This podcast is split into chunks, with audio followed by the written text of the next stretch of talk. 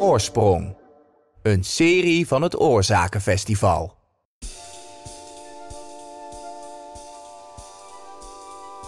Welkom bij Oorsprong. Een vijfdelige serie waarin we elke aflevering vijf vragen aan een podcastmaker stellen. Waar denken makers over na? Waar komt hun liefde voor audioverhalen vandaan en waar luisteren ze zelf graag naar? We proberen er in vijf vragen antwoord op te krijgen. Uw presentator is Femke Bosma. In deze tweede aflevering hoor je Hanneke Hendricks. Hanneke is schrijver, columnist en podcastmaker. Ze maakte onder andere de podcast De Kloof, waarvoor ze samenwerkte met verschillende schrijvers. Recent regisseerde ze Wraak, een spannende, achtdelige fictiepodcast over ambitie, macht en MeToo in het Amsterdamse politiekorps. Op een regenachtige avond werd het lichaam van Monique Segers gedumpt in het ei van Amsterdam. De telefoon staat uit. Die, die, die staat nooit uit. Ah joh, die komt wel weer boven water.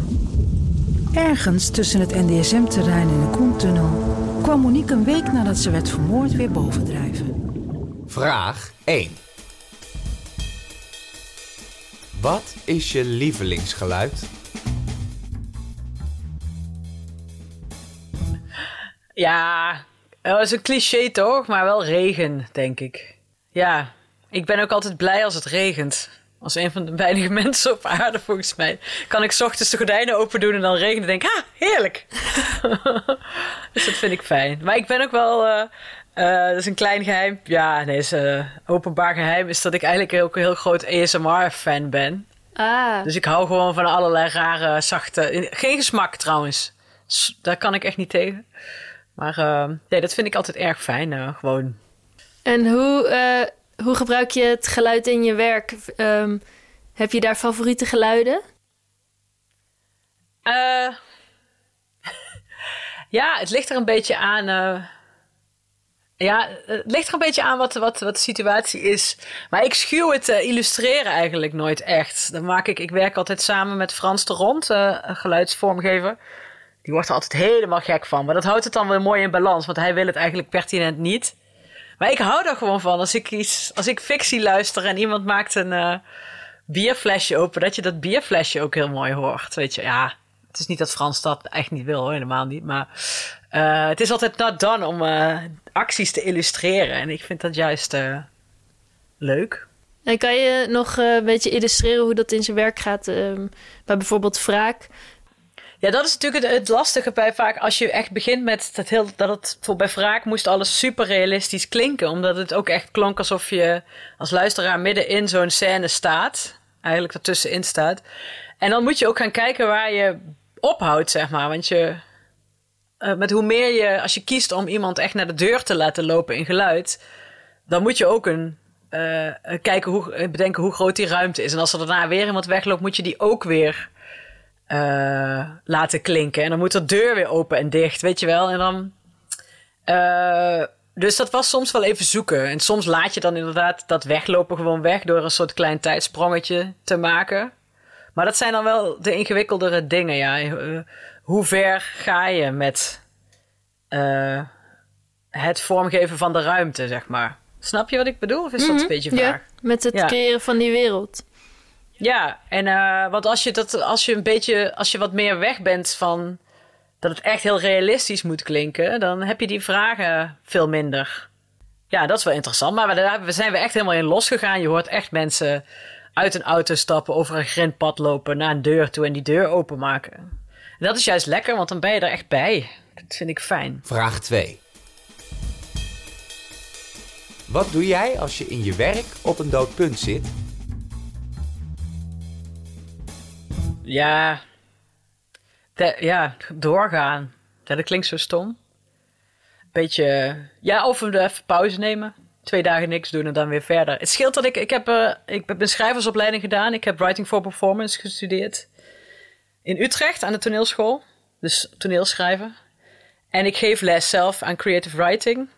Eh, of aan Artes, creative writing geef ik les. En ik denk, ja, vastlopen is het bestaat wel. En dat, eh, daar heb je altijd mee te maken, denk ik. Dus Eh, ik be- probeer het altijd te vergelijken zo met een tuinman, weet je wel. Je moet gewoon spitten en dat is niet leuk. En je moet dat veldje gewoon omkrijgen en dan... En af en toe, dan heb je gewoon geen zin en dan heb je geen inspiratie. En dan moet je of doorgaan of eventjes een pauze nemen. Maar je moet je vooral niet te veel... eh, ja, je moet er niet zo van schrikken. Het is gewoon hartstikke normaal. Eh, ja, maar goed, waar wat inderdaad wel werkt, is dat je niet de hele dag eh, aan het werk bent. Je moet ook s'avonds bijvoorbeeld gewoon op de bank hangen of een boek lezen of een stuk fietsen. En wandelen, hè? veel wandelen. Ik denk dat elke vastloping kan opgelost worden met eh, een uur wandelen elke dag, denk ik eigenlijk. Dus je raakt niet echt meer in paniek. Nee, nee, nee, je baalt wel. Ik bedoel, ben, nou, ik ben met, met mijn vierde roman bezig. En eh dat denk ik wel eens af en toe, god, dat boek komt nooit af. maar goed, maar dat komt wel af. Het komt altijd wel af. Oeh, afkloppen, ik ben wel heel bijgelovig. maar goed. dus nee, nee, ik denk niet, je moet er niet van schrikken. Dat hoort bij het proces. Eh, het is niet zo gek dat je af en toe denkt, eh, nou, dit wordt niks. Dat is een fase. En is dit ook het advies wat je dan geeft aan de studenten? Altijd, ja. Eh, rust nemen even en eh, weer doorgaan. En ook gewoon shit schrijven? Of shit maken als je audio maakt. Gewoon. eh, Het fijne aan alles is dat je. Je kunt alles er altijd weer uitknippen als het niks is. Gewoon opnemen. Of gewoon random dingen gaan opnemen. Dat is, ook, dat is eigenlijk het leukste wat er is. En dan kom je vaak op een heel ander spoor. Dus gewoon niet te veel nadenken. Denk ik. Denk ik. Ja, dat kan eigenlijk niet, toch? Je kunt eigenlijk niet stoppen met denken, dus... Maar ik denk dat, eh, dat je wel snapt wat ik bedoel. Vraag 3. Als alles zou kunnen en alles zou mogen, wat zou je dan maken? Als alles zou kunnen, alles zou... Eigenlijk, wat... Eigenlijk, ja. Dan zou ik... eh, ja, gewoon... eh, alleen maar series. Hoorspelseries maken. Hele dure. dus eh, ja, gewoon alles eh, in, bij Frans in de studio opgenomen met de leukste acteurs. eh, met de leukste muziek. En dan niet maar steeds zes afleveringen, maar gewoon twintig afleveringen voor één serie, weet je. En dan spannend. Ja, dat zou ik doen. Meteen. Ik hoef daar ook helemaal niet over na te denken. En dan ook alleen maar de hele, het hele jaar door. Frans heeft ook de- die, dat hoorspel over B. Bommel gemaakt. Ja, Eh, en dat heeft ook echt heeft ook jaren, jaren geduurd volgens mij wel. Dat ze met een team dat elke, elke week weer konden gaan doen, volgens mij. Ik weet niet of het, een, of het Ja. jaren heeft geduurd, maar echt wel lang. ja, heel lang. En dat was, eh, dat vertelt je. Ik was dan, dat was voor mijn tijd, helaas. Want dat is een van mijn lievelingsseries. Eh dan zei hij ook dat, ja, de krentenbraak, dat is Joost, weet je wel, in de serie. En dan, ja, die zag je dan elke ochtend. kwam die om tien uur binnen. Die zei, Frans zegt wel eens, je zei soms niet eens meer hallo tegen elkaar. Niet omdat je elkaar niet aardig vond, maar gewoon... Ja, dan kwam er een binnen, dan zwaaide je. En die ging dan achter de microfoon en dan begonnen ze weer met opnemen. Maar dat heeft ook... eh, hoeveel afleveringen heeft Bommel? Echt 600 of zo. Ik weet het niet eens.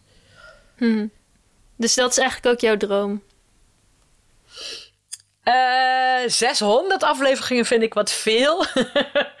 maar ja, maar dan zou ik wel verschillende series willen. Niet maar, ik, zou, ik ben zelf niet iemand die eh, twee jaar aan één eh, serie zou kunnen werken, denk ik. Nou ja, zeg nooit nooit. Maar dat is nu op dit moment niet mijn droom, nee. Mhm. Dan wel in verschillende seizoenen, dat zou ik dan wel leuk vinden. Vraag 4. Welk verhaal uit je jeugd ben je nooit vergeten? Ja, dat is dan het leukste om nou ook audio te doen, toch? Ik denk, eh en ik weet ook al meteen iets. Eh wij hadden vroeger met mijn broer, ik heb een broer van tien jaar ouder, die nam altijd allerlei dingen, ook met die cassette recorder van de radio op. Waaronder allemaal sprookjes die verteld werden door Willem de Ridder. En dat waren best wel gruwelijke dingen. En hij improviseerde heel veel. En het waren, waren allemaal met hele freaky jaren 70, 80 soundscapes. Helemaal heel nieuw, new age-achtige geluiden. Eh, nou, dat, dat luisterde ik echt super veel. Ik heb hier nog een paar bandjes. Het is audio, hè, dus ik kan het niet laten zien. Mijn broer maakte daar ook al hele mooie tekeningen op die hoesjes van die cassettes. En dan, eh, ja. En dan vaak ook stiekem met mijn bandrecorder onder, onder de dekens en dan Willem de Ridder luisteren. Terwijl ik had ze al een miljoen keer gehoord. Dus ik kan die met mijn broers ook meepraten, die bandjes. En kan je iets vertellen over Willem de Ridder? Ja, Willem de Ridder is ook een beetje een, uh, een, een, rare audioman. Uh, hij geeft nu vooral volgens mij lezingen in, in, wat hij zelf noemt spiegologie. Dus dat is ook een beetje, eigenlijk nu heel hip. Uh, dat je, je gewoon zelfontwikkelingslezingen en zo. Maar hij was vroeger gewoon ook een radioman. En hij, hij is legendarisch geworden omdat hij dus s'nachts een radioprogramma had. En op een gegeven moment ging hij in dat radioprogramma zeggen: Oké, stap nu in de auto. Uh, zet je autoradio aan op dit kanaal, rij weg en rij allemaal naar de A73. Ik zeg maar wat, hè. En dan had je dus op een gegeven moment, midden in die nacht, had je een file van allemaal ra radioluisteraars die, uh, die uh, gingen opvolgen wat hij deed. Ja, dus dat was echt ja, te gek. En hij heeft er nog een plaat gemaakt, ook heel houtje touwtje opgenomen. dat heet een spannend splookje. Met allemaal acteurs die dubbelrollen spelen. En die vergissen, soms, soms vergissen ze zich in de naam van een personage en zo. Maar dat zit er allemaal nog gewoon in. Dat hebben ze er allemaal niet uitgehaald. Dat is echt fantastisch. Daar hou ik echt van. Ik hou ook heel erg van houtje touwtje. Ik bedoel, je hebt dan wraak. Dat is dan super hoog technisch en uh, chic, zeg maar. Maar ik hou ook van, uh, ja, rammelende dingen. Vraag 5. Heb je nog een luistertip?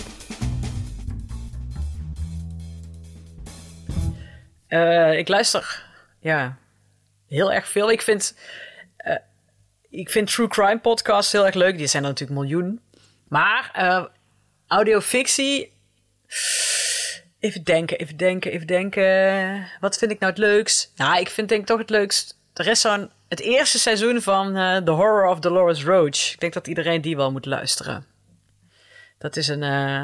ja, beetje de, een spannende, horrorachtige, ook heel erg grappige Amerikaanse serie. Ja, dus dat uh, The Horror of Dolores Roach kan ik iedereen aanraden. En um, hou jij van die uh, lugubere verhalen dan? Heel erg. ik ben wel echt een.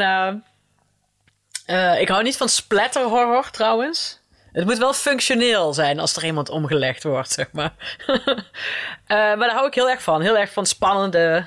Uh, ja, bijvoorbeeld bij The Horror of Dolores Roach, de laatste aflevering, luisterde ik in de auto s'nachts terwijl ik ergens van terugreed. En toen heb ik op een gegeven moment echt uh, omgekeken. Terwijl ik zat echt alleen in de auto. Gewoon omdat ik echt toch het idee had dat er iemand achter me zat, zeg maar. Dat is het allerleukst. En dat is ook echt een voorbeeld? Ja, ja dat vind ik. Dat vind ik wel echt een voorbeeld. Omdat, uh, hoe, het verhaal zit super goed in elkaar. Het is van origine ook eigenlijk een toneelstuk, hè? Dus uh, uh, het heeft veel versies gehad, dat kun je echt horen.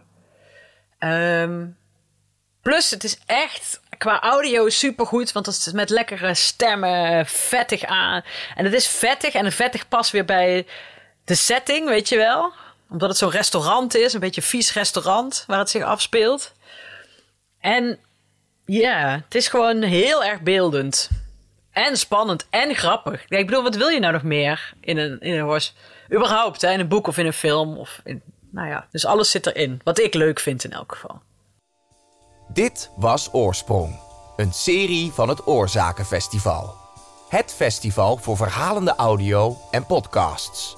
Dompel je drie dagen onder in de wereld van de beste audioverhalen uit binnen- en buitenland. Het Oorzakenfestival vindt plaats op 2, 3 en 4 juli. Hanneke Hendricks zie je terug op het festival als jurylid voor de korte golfwedstrijd. En op de Industriedag waar ze een workshop fictie geeft. Bezoek voor meer informatie oorzaken.org.